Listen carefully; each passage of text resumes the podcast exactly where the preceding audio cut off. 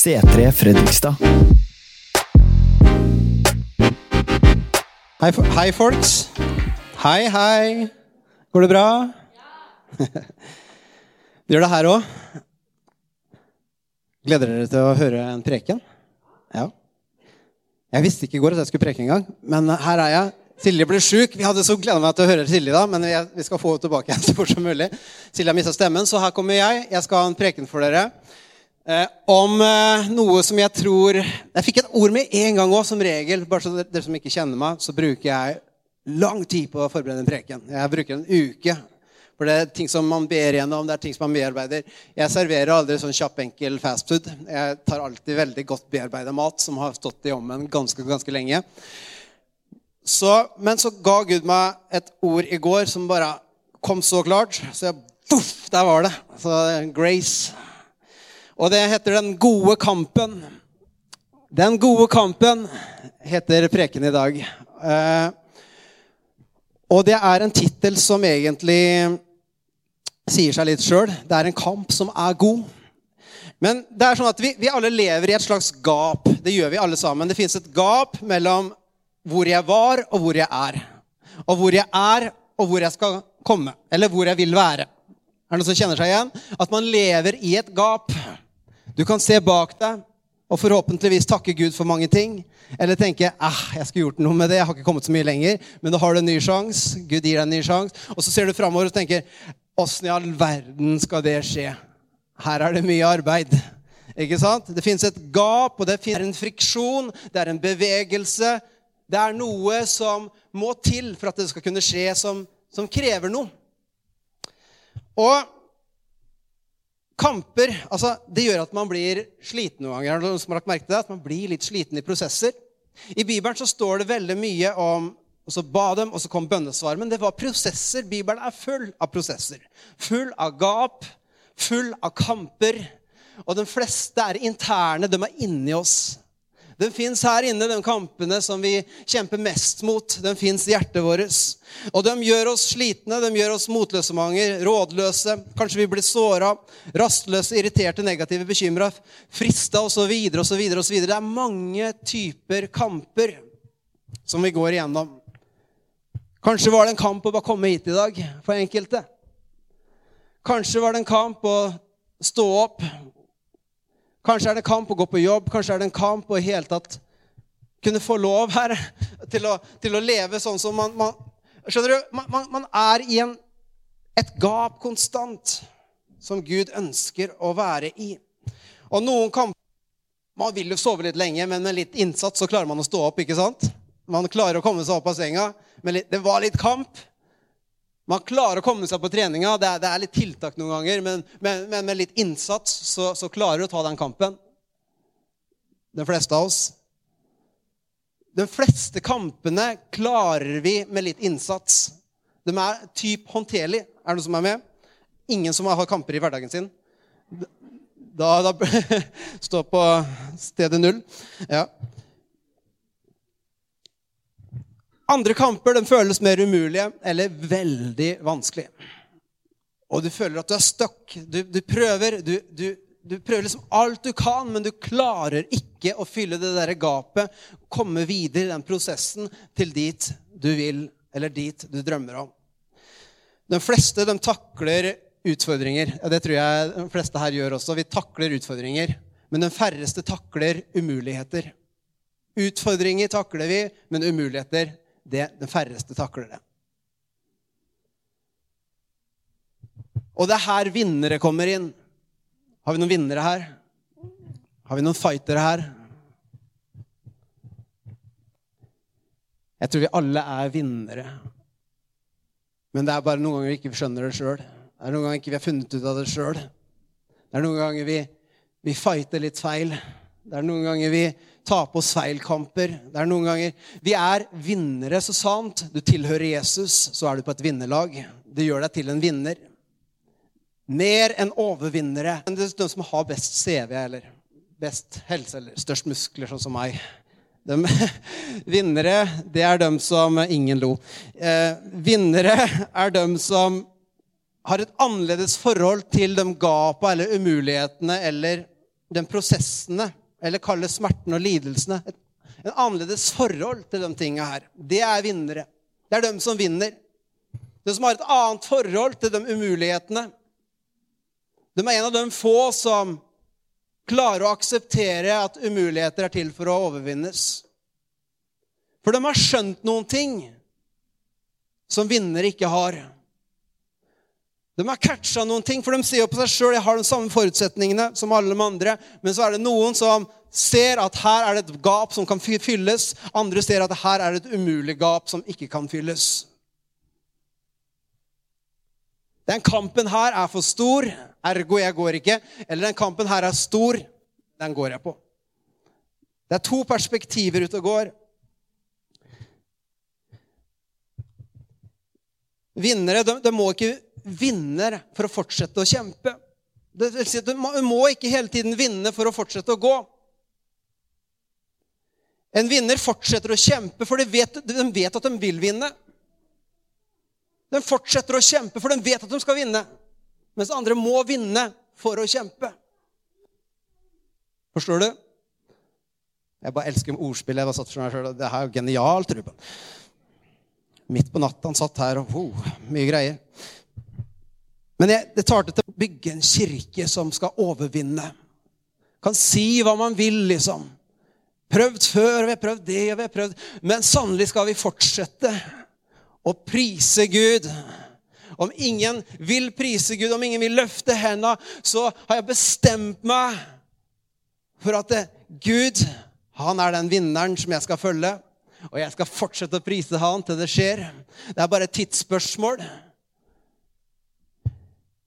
Du kan faktisk stole på Guds ord. Det er de mest pålitelige nyhetene du kan få noe sted. Guds ord er det du kan stole på 100% Ja og amen, kan vi si til det, men allikevel så er det også der vi tviler mest. Det er der vi kjemper mest om å tro på det. Vi vet at det er det vi kommer for her på kirken, og sånt, men det er der vi strever, det er der vi kjemper om å tro at det er sant. Hadde vi trodd det var sant, så hadde vi hatt et annet liv. Enkelt sagt. Jeg hadde hatt et annet liv på mange områder, og du hadde hatt det. For det er der kampen ligger. Skal jeg la Gud få være Gud? Er han virkelig Gud? Er Guds ord sant eller ikke? Det er en kamp om dette her. I Romerne 8, 37 så står det Men i alt dette der står det for om nakenhet, sult, masse mangler, mange ting som vi mangler, og som vi sliter med. Men midt i alt dette vinner vi mer enn seier ved Han som elsket oss. Er ikke det godt å vite?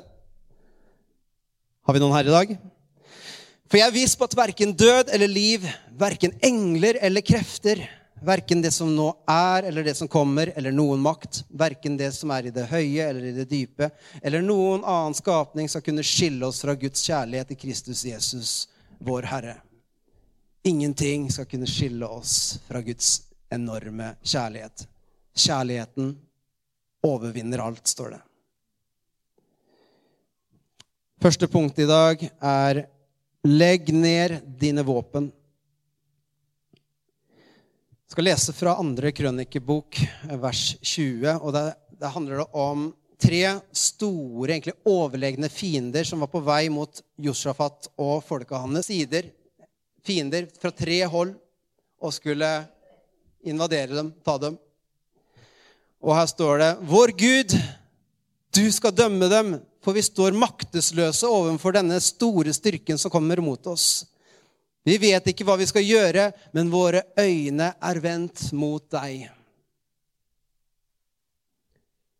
Josjafat han visste at sine naturlige våpen de, de holdt. Det bare gikk ikke. Det var ikke nok til å beskytte dem. For det første, de var for svake. Våpna fungerte ikke sånn som de skulle i den settinga der. Og forresten så var de bare drevet nå av frykt og følelser. Så det, det, hadde ikke funka uansett. Uansett hva de hadde gjort, så hadde det ikke gått. Derfor forsto han én ting, og det hadde han lært seg, at han må legge ned våpna sine, som han er frista med å prøve å bruke alt du kan. Når du er i en krise, du kommer et sted hvor du har et stort behov. Du gjør alt du kan. Du tar noen telefoner, du jobber ekstra hardt. Du, du gjør alt du kan for å fikse noen ting. ikke sant? Eh, du, du, kutter ut det, du prøver, det er et stort regnestykke, og du tar fram alle ressurser eller våpen som du måtte ha for å kunne fikse en situasjon. Kjenner du deg igjen? Vi ønsker å gjøre noe med situasjonen, men noen ganger så går det ikke. Noen ganger så har du ikke nok. Derfor la han ned heller våpna sine og søkte Gud. Det er sånn at Vi klarer ikke å vinne ved å sminke over noe eller ignorere noe eller jobbe hardt nok med noe eller prøve å hype opp en atmosfære. Det, det bare det dør ut.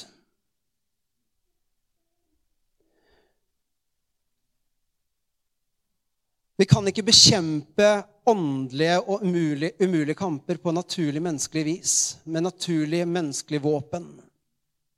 Det har jeg sagt noen ganger før, men vi kan ikke kjempe mot åndelige kamper med naturlig våpen. Med menneskelig våpen. Med egen IQ, med egen CV. Jeg vet åssen kristenlivet fungerer. Da gjør du sånn og sånn og sånn, for det har sånn vært før. Vet du hva? Du må legge ned dine, våpen i den settinga her. Vår erfaring og skills og strategier og lederskap og, det, bare, det funker ikke noen ganger. Er du fortsatt med? Og det fungerer faktisk ikke i ditt liv heller. Jeg snakker om noen gap nå som det må noe mer til enn bare å prøve å være en bedre kristen. Eller bare prøve å jobbe litt hardere.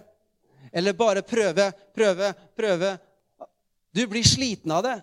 Kan like godt gi opp. Jeg skal ikke prøve å fikse de tingene du ikke klarer å fikse sjøl. Ikke ta på deg de kampene du ikke skal ta på deg. For det er mange kamper du går og, og fighter med, men du, du, klarer ikke å vinne. Du bruker hele livet på det, men det går ikke. Så det andre punktet her, at vi skal kjempe rette kamper. Selv om man slipper, slipper ned våpnene sine, så betyr jo ikke at utfordringen utfordringene og problemene forsvinner automatisk. Det er fortsatt en usikkerhet, er det ikke det? Fordi Når vi ber ofte, så kan vi si, 'Gud, jeg bare legger det på deg.' Gud. Ikke sant? Vi bare overlater det til Gud. Og det er det, er det første. Kapitulering. En slags omvendelse. At vi legger ned våre våpner. Vi legger ned vårt eget strev. Vi tilgir mennesker. Vi, vi kommer oss til kirken igjen, ikke sant? Men problemet er jo der fortsatt. Så vi blir jo frista til å ja, hva, hva, gjør jeg med alt dette her, da? Jeg er fortsatt sjuk. Jeg er fortsatt eksamen som kommer. Jeg er fortsatt ekteskapsproblemer, avhengigheter. Jeg har fortsatt ikke fått bønnesvar. Det er fortsatt en uoppnådd drøm. Det er fortsatt et gap, ikke sant? Det er fortsatt en kamp man står i, enten man vil eller ikke. Det er ikke sånn at det bare kommer til Gud, og så er ikke kampen er der. Så lenge du er en troende spesielt, så finnes det en åndelig kamp rundt deg. Du er i en kamp enten du vil eller ikke.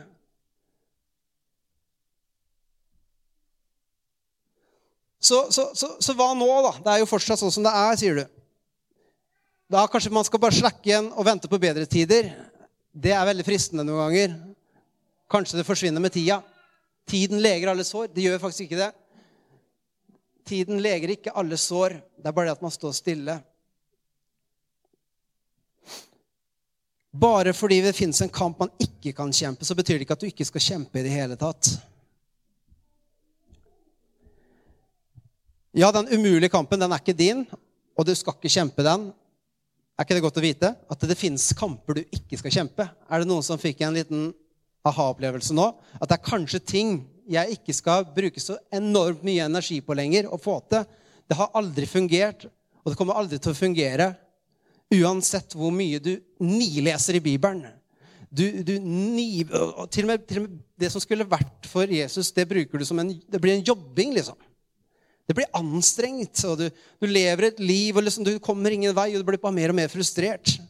Er sikkert ingen som har følt det sånn, men jeg følte sånn et par ganger i livet. I hvert fall, at jeg blir litt frustrert selv om jeg gjør de rette, rette tinga.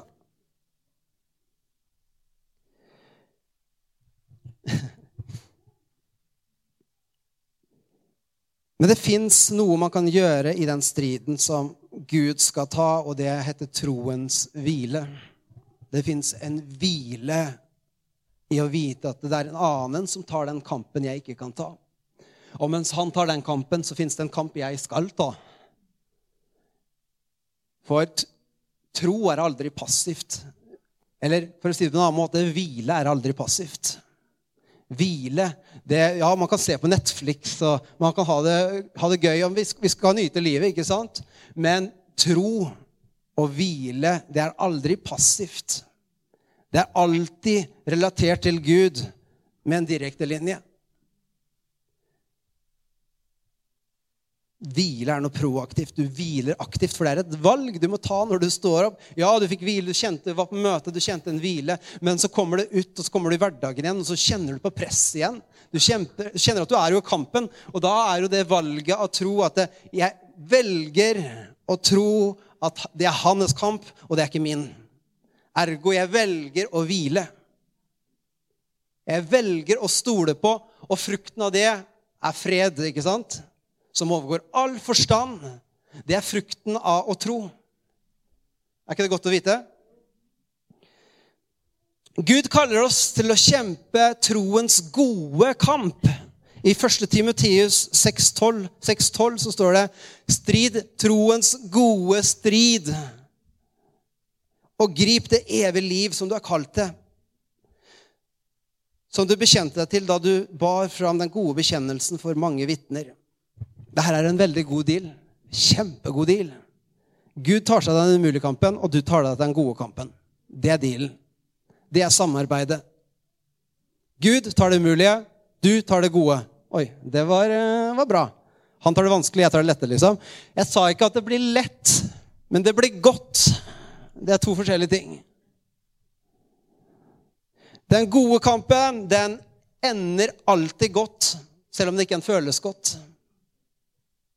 Den gode kampen du skal fighte, den ender alltid godt. Men den føles ikke alltid godt. Det er derfor vi ikke gjør det. Det er derfor vi velger noe annet. Den gode kampen, den klarer vi altså, den klarer vi alltid å kjempe. Selv på vår verste dag hvor vi ikke har noe energi, ikke føler, føler det som minst, det minste av det minste av den kristne. ikke sant? Har til og med gjort noe gærent rett før. Du har ingenting å gi. Er det noen som har følt sånn noen ganger? At du har ingenting å gi til Gud, du har ingenting å gi til noen andre mennesker. Du, i hele tatt, du klarer knapt å komme på møtet sjøl, omtrent. Og du vet med deg sjøl at jeg har ikke lest Bibelen på så og så mange dager, kanskje uker, kanskje måneder. Du vet at jeg har ikke Jeg spør Gud om ting, og eneste gang jeg spør Gud om ting, er når jeg trenger noe. Det er aldri når jeg sier at jeg elsker han. Så du, du kjenner på så veldig mange følelser. Og, har, og, så sier Gud at du skal kjempe en kamp når du har det sånn. Men det greia med den gode kamp er at du alltid under alle forhold og følelser klarer å kjempe kampen. Fordi kampen er ikke, det er ikke basert på din evne til å være verdig nok, eller din evne til å føle deg bra nok og ha nok til å gi, eller energi eller skills eller hva det måtte være. Det har ikke noe med deg å gjøre, faktisk. Ingenting har den gode kamp med deg å gjøre, annet enn at du skal velge noen ting. Det er et valg. Den gode kampen den handler om at vi skal tro på Gud. Stole på Gud og det han har sagt. Stole på Gud, det er kampen. Det er det vi skal gjøre. Det er det eneste vi skal gjøre.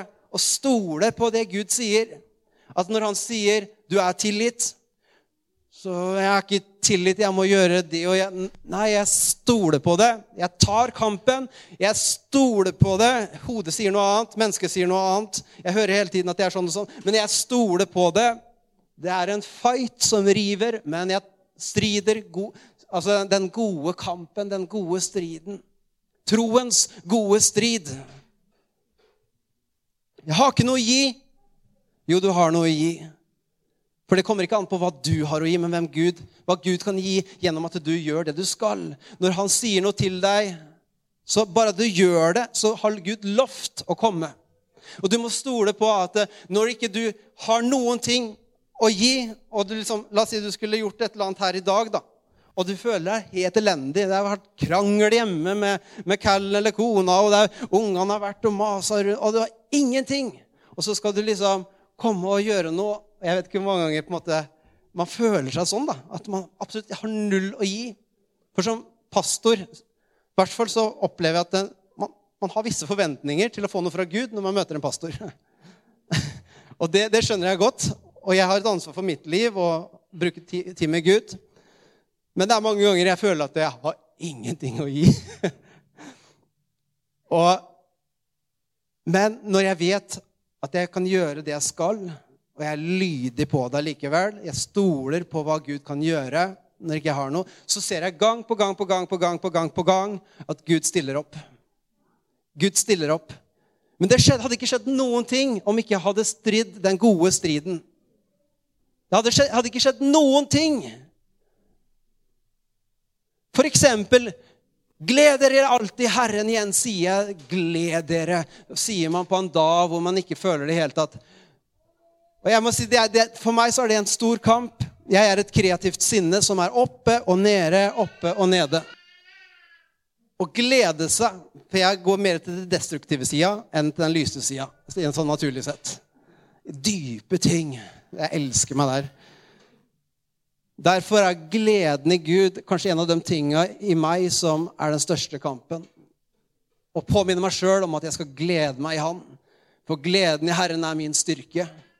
Når jeg mister min glede, så mister jeg min styrke. Så jeg, Det er derfor jeg noen kommer opp her mange ganger òg og åh, Jeg gjør sånn. Fordi at jeg, jeg kan ikke akseptere at ting ikke Vi skal ha en glad atmosfære her i kirken, ikke en hype. Men det er et valg om å prise Gud. Når vi ba før møtene nå, hver, hver, søndag nå så ber vi klokka 11 til 20 minutter over 11. Det er for hele kirken. Og da bruker vi tid her, og vi, ber, og vi har endra litt på bønn nå. Vi ber ikke bare 'Takk Gud at det skal gå bra med pianoet', liksom. Eller at det skal men vi, vi, vi, ber ja, men Jeg sier ikke at vi har bare gjort sånn, men det kan fort bli sånn at vi ber for det praktiske som skal skje. Men vi har snakka sammen med lederne og vi har bedt gjennom en tid, og vi kjenner at det er noe nytt friskt på gang. Vi kan forvente noe mer at, enn at Gud skal bare fikse piano. Folk skal, faktisk skal få noe fra Gud. Og at jeg skal få noe fra Gud. Og ha en forventning og en glede. Kirken er til for å skape fest og ikke begravelse. Folk har nok begravelse fra før. Vi trenger mer fest, mer glede. Og da kommer den gode kampen inn, for det er noe vi velger. Så ja, vi skal, vi skal, ha sympati med hverandre. Ja, vi skal ha omtanke med hverandre. Vi skal sitte hverandre Dette var gled deg i Gud. Gjør noe igjen. Kom til kirken igjen. Ja, men du vet ikke ikke hvordan jeg har det heller. Ikke sant? Vi alle har noe. Vi alle er i kamper, i gap i livet vårt. Noen ser sånn ut, andre ser sånn ut. Men én ting har vi felles, det er at vi er i en kamp. Og vi må oppmuntre hverandre til å velge den gode striden i den kampen. For uten den gode striden så kommer ikke seieren. Du vil stå på null, og du vil se tilbake på Oi, her har det ikke skjedd noe. ikke sant? Det blir som å mismodig. Men vi kan bevege oss sammen med Gud. Det er det som er gleden av å følge Jesus. At det fins mer for dem som vil ha mer. Den gode kampen, den foregår inni oss. Har Gud virkelig tilgitt meg? Har Gud, må jeg virkelig tilgi den personen? Altså, det er så mange spørsmål. Har virkelig Gud sagt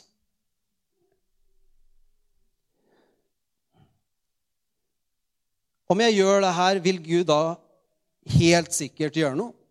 Lang sykemeldingsperiode og to år sjuk og for meg, Jeg orker ikke snakke om det mer. Men det som, det som jeg har lært, kanskje, da, det er at eh, Gud stopper ikke å være Gud. Selv om min motivasjon og min glede tappes, og min energi tappes, så er fortsatt Gud Gud. Så jeg kom til et valg hvor Gud sa, 'Regn med meg', liksom. Jeg har kalt deg. Jeg har fortsatt kalt deg, Ruben. Jeg har fortsatt en plan for livet ditt.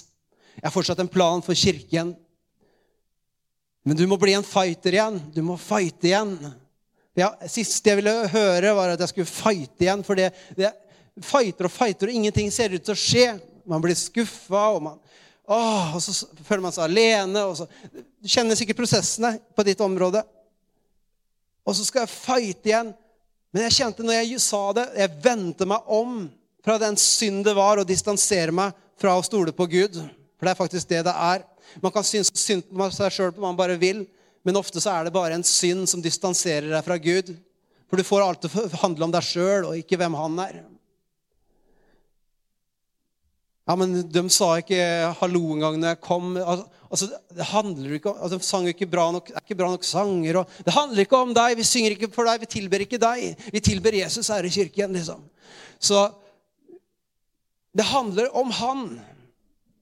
Og når det handler om han, og når vi ser det, at det handler om han, at han fighter for oss, da har jeg lyst til å begynne å fighte òg. Da kan jeg få være med å ta den gode kampen. Det Gud har kalt meg til å gjøre. Det Gud har sagt til meg.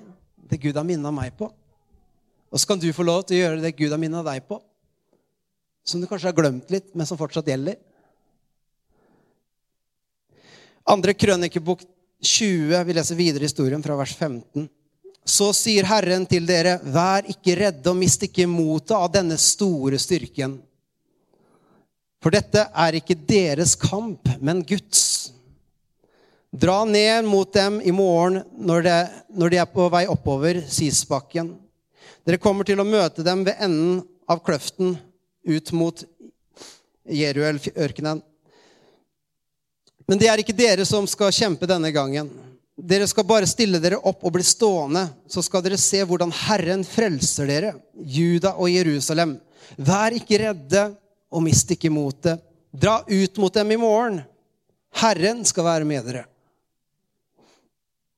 Her forklarte egentlig Gud hva som var hans kamp, og hva som var dømmes kamp. Han bare kartla det. Dere skal ikke frykte, dere skal ikke ordne, dere skal bare være dere der. Dere skal ikke gjøre noe, dere skal bare gå dit. Bare, og så står det også at de skulle ta med seg lovsangerne. De skal, de skal gå dit og egentlig bare prise Gud litt. liksom bare ja, ta med deg piano. Stakkars, som tar sikkert litt hjelp å bære piano. Men jeg skal bare ta med piano. Bare dra dit. Lovsyng Gud sammen. Det er alt dere skal gjøre. Ja, ikke sant? Mens kommer tre store skarer mot oss. og ja, Det er det dere skal gjøre. For det lakte de andre våpna, men de tok opp et nytt våpen. Og det var det Gud hadde sagt til dem.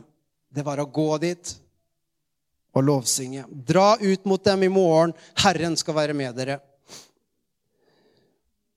Gud kunne sagt, 'Vær hjemme og slapp av nå.' Dere har anstrengt dere lenge nok. Så, liksom, så sier Gud. Slapp av nå. Finn balanse. Plei såra. Ta tida hjemme. Se litt på Netflix og spis en god middag. Altså, han kunne, han kunne jo sagt det.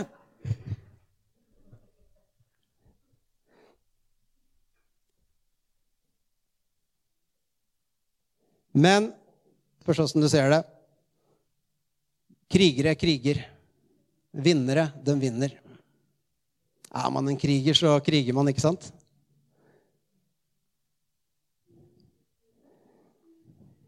Uansett situasjonen du er i, så ber Gud oss om å stille opp, møte opp og face kampen. Er du fortsatt her? Det er ikke så mange minutter igjen. Vår kamp Men vi har en del å gjøre. Vi har vår del, og så har han sin del.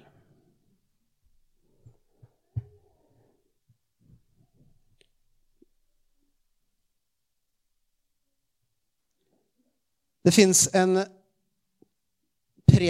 predestinert seier. Tredje punktet. Predestinert seier, hva er det for noen ting? Det er en seier som er forutbestemt for at du skal kunne vinne. Tenk deg det, da. Tenk deg liksom du har en lottokupong, og den sier at den her er predestinert vinner. Hvis du kjøper den, så er du, garant, du vinner garantert hvis du kjøper den. Hadde hadde kjøpt den da, liksom. Det er for godt til å være sant. Altså, Det hadde vært stort tap hvis du skulle holdt på sånn. sånn norsk tipping. Du er predestinert å vinne på alt du kjøper. Men det er faktisk det Gud sier, at vi er Vi er predestinert til å vinne hvis vi gjør som han sier. Hvis vi går i tro på det han sier at han skal gjøre, og vi skal gjøre, så er vi predestinert til å vinne. Vi vil vinne uansett.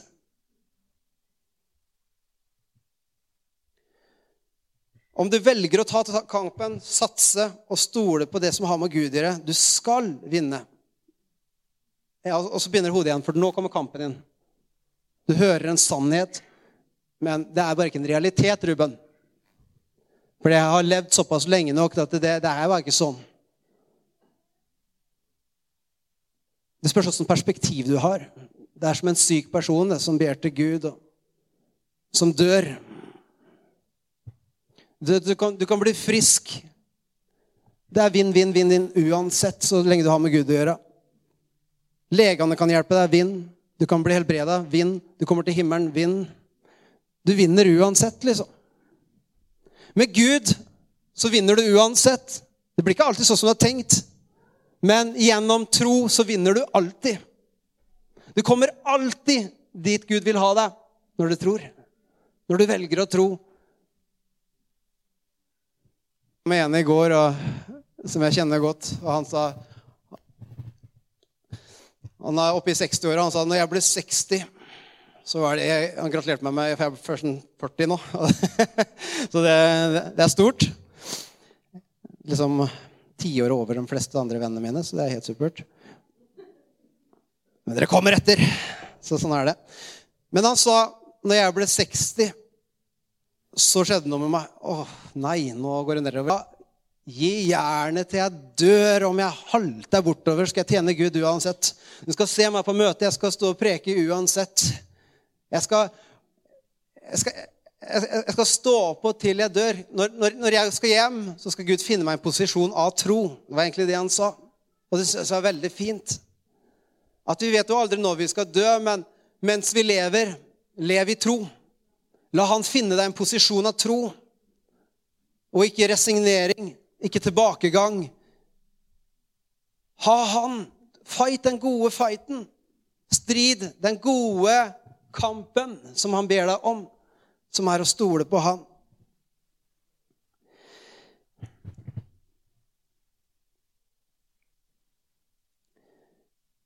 Det var Og her ser vi at i andre krønebok 12, vers 19 Der står det de levittene som hørte til, eh, til Kehat og Korasønnene, reiste seg for å lovsynge Herren, Israels Gud, med høy og kraftig stemme. Eh, Tekok, Tekoa-ørkenen Briller Jeg ser dårlig om dagen. Bruk briller, det blir bare verre. Jeg skal til øyenlegen snart, så håper det ordner seg. Dobbelt opp av ting her. Med det samme de dro ut, trådte Josjafat fram og sa.: Hør på meg, judere og dere som bor i Jerusalem. Vær tro mot Herren deres Gud, så skal dere ha lykken med dere. Etter å ha rådført seg med folket valgte han ut sangerne som skulle lovsynge, eh, lovprise Herren i hellig prakt. De dro ut i spissen for krigerne mens de sang Pris Herren, evig varer hans miskunn. Så snart de stemte i med jubelrop og lovsang, lot Herren ammonittene, moabittene og folket fra Seirfjellene, de som rykket fram mot judeerne, falle i bakhold. Slik ble de slått. Det er ganske utrolig. Her, her leser vi om en veldig uforutsigbar vri fra Gud. De kom, stelte seg der de ble bedt om å stå tok med seg gitaren eller piano. De spilte, de lovpriste, de jubla til og med i en sånn setting. Hvem av oss hadde gjort det? Hvis du hadde vært i en, kanskje den største livskrisa di noen gang, å stå og lovprise Gud, glede deg hemningsløst i Gud fordi Gud sier at det her skal dere gjøre. Hadde vi gjort det? De gjorde det i hvert fall. De hadde fighta en kamp der inne først. For den visste hva som var riktig, men det er hodet som bestemmer. vet du.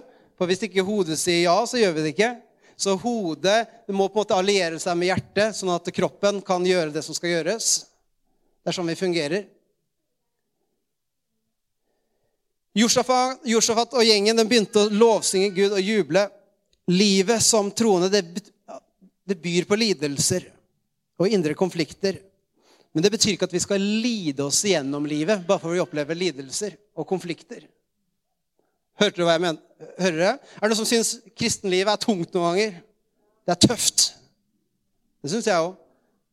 Det er tøft, det er vanskelig, det er konflikter inni meg. Det er 'Å, jeg har lyst til det', og det er fristelser og man, det, er, det er mye greier.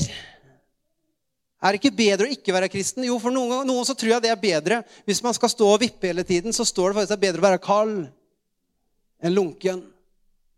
Men så, om du først skal tro på Gud, da, så byr det på en del lidelser. Det står faktisk i Bibelen at vi har lovt lidelser. Vi har lovt kamp. Kamp er den nye normalen. Men den nye realiteten er at vi har Gud ved vår side. Han sto der og sang. Når de stelte seg opp, så hadde han lovt å fikse det problemet her. Han sa ikke hvordan, men han sa at han skulle fikse det.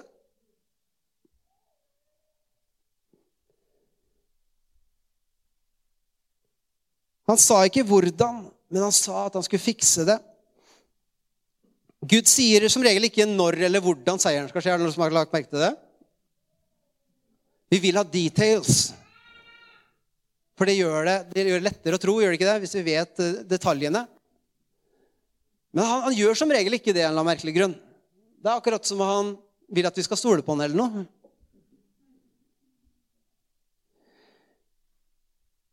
Han sier liksom ikke alltid hvor og når jeg skal finne ektefellen, eller hvor kom, pengene skal komme fra, og fra hvem, eller altså, Han sier ikke så mye, men han sier at det, jeg, skal, jeg, skal, jeg, skal, love at det kommer til å gå bra. Bare du gjør det her. Jeg skal love deg. Ja, men kan, kan, kan jeg ikke gi femden isteden, eller istedenfor tienden? Kan vi ikke, kan vi ikke liksom gjøre en sånn ja, men hvis, hvis, du gjør det, så skal jeg love, for, love deg at jeg, du kommer til å ha mer enn nok. Ja, men altså, Skjønner du hva jeg mener? Den indre kampen hele tiden. Ja, men hvor skal det komme fra, liksom? Jeg, jeg trenger ikke bare en god følelse, Gud. Jeg trenger cash, liksom. For jeg har regninger. Ja, han tar seg av det. Men det, det han ber deg om å gjøre, er å stelle deg i posisjon hvor han kan komme og gjøre det han skal. Han vil ha deg et sted. Han vil ha hjertet ditt på rett sted. Og det er ofte gjennom ting du gjør også. Det er sånn at Gud er en veldig god kokk. Og Vi vet nemlig at Gud er Selv om vi ikke skjønner hva han lager, vi skjønner ikke hva som skjer, vi ser han smekker sammen et orkester av noen ingredienser. Og vi vet egentlig ikke helt hva det her kommer til å bli, men vi kjenner den godt nok til å vite at det her blir bra. Vi vet at det han smekker sammen, det blir bra. Det er kanskje ukjent, vi har kanskje ikke smakt det før, vi har kanskje ikke sett det før, men det kommer til å gå bra. Oi. Det kommer til å gå bra. Og Det er derfor vi stoler på at han er en god kokk. Han er god. Han er trofast. Han er med meg. Og hva enn han sier til meg, er ikke for min ulykke, men det er for min framgang. Det er for min seier.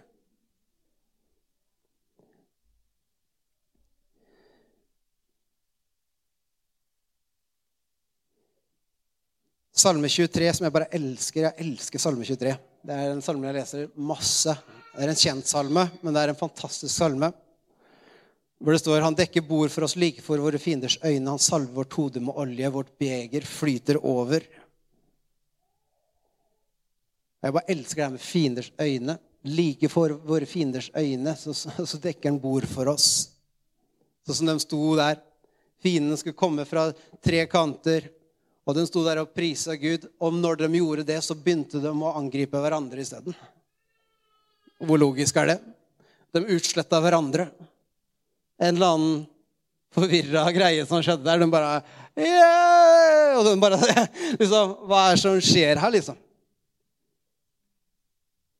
Det sto, det sto en masse grav rundt dem mens de sto og prisa Gud, liksom. Veldig spesielt. Ja, men jeg var glad jeg ikke bruker våpnene mine. Det var bra vi ikke begynte å forberede oss for å angripe dem her. Det er bra vi tok fram lovsangen isteden. Det er bra vi gjorde det som Gud sa isteden. Det er bra vi tok den kampen inni oss om å velge det han sa. Er du med? Jeg tror livet er til for å leves, og ikke bare overleves. Det er et ord til noen her i dag. Livet ditt er ikke bare til for å overleves, det er til for å leves. Og selv om du er i en kamp, så betyr ikke at du skal ta den kampen som ikke du klarer. Du har brukt altfor lang tid på den kampen du ikke skal ta sjøl. Velg den gode kampen isteden. Velg den gode striden. Det er tro på at det, når jeg gjør det han sier, kom deg til kirken igjen. Vend deg om fra selvopptattheten din. Gjør de tinga som bringer deg nærme Jesus igjen. Så skal du se hva som begynner å skje i livet ditt veldig fort. Ting, klima kommer til å forandre seg. Tankene dine kommer til å forandre seg. Folka rundt deg kommer til å forandre seg. Arbeidsplassen kommer til å forandre seg. Ting kommer til å skje når vi velger den gode striden i vår hverdag. Mellom fikse det sjøl eller la Gud få fikse det. Og så fikk jeg ett profetisk ord. Jeg vet heller ikke hvem det er til. Men det er Jeg hørte akkurat den setningen. Kom deg opp igjen på bena. Kom deg på bena igjen, din kriger. Du kriger, kom deg på bena igjen.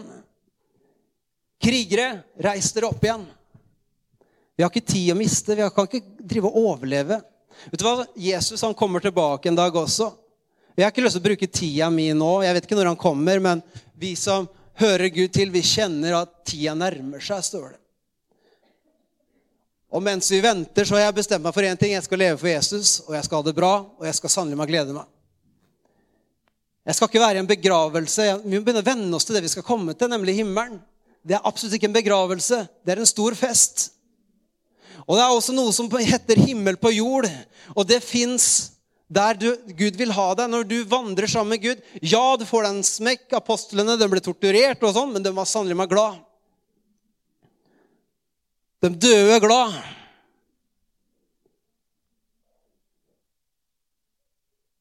Det er på tide å reise seg igjen, kriger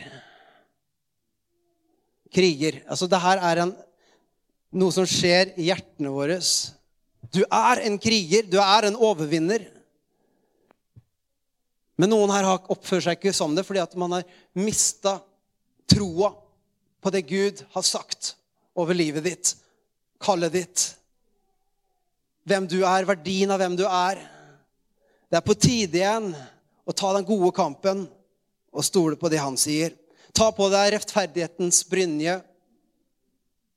Du er rettferdig. Du er et Guds barn. Frelsens hjelm som beskytter tankene dine. Sannhetens belte. Villighetens sko. Jeg har fått meg nye hvite, hvite sko. De varer sikkert tre dager. så er det møkkete.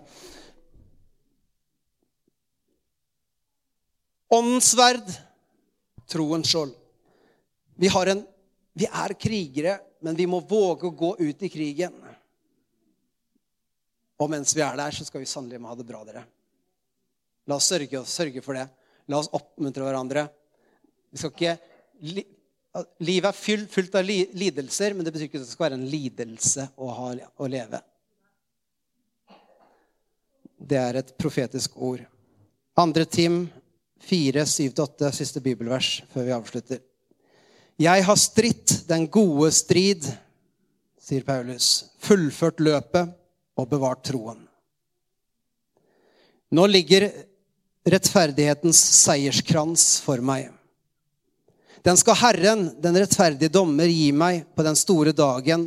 Ja, ikke bare meg, men alle som, som med kjærlighet har ventet på at han skal komme. Jeg har stritt den gode strid, fullført løpet og bevart troa. Det er det han vil høre på den siste dagen. Så Jeg vet ikke hvordan det er med deg, men jeg har i hvert fall bestemt meg for å følge Jesus. Jeg har bestemt meg for å gi alt til Jesus. Og om jeg faller, så reiser vi oss opp igjen. For vi er ikke kalt til å være under, vi er kalt til å være over. Hode og ikke hale. Er dere med? Det her er en beslutning vi sjøl tar ved å kjempe strid, den gode striden om å stole på Gud eller ikke.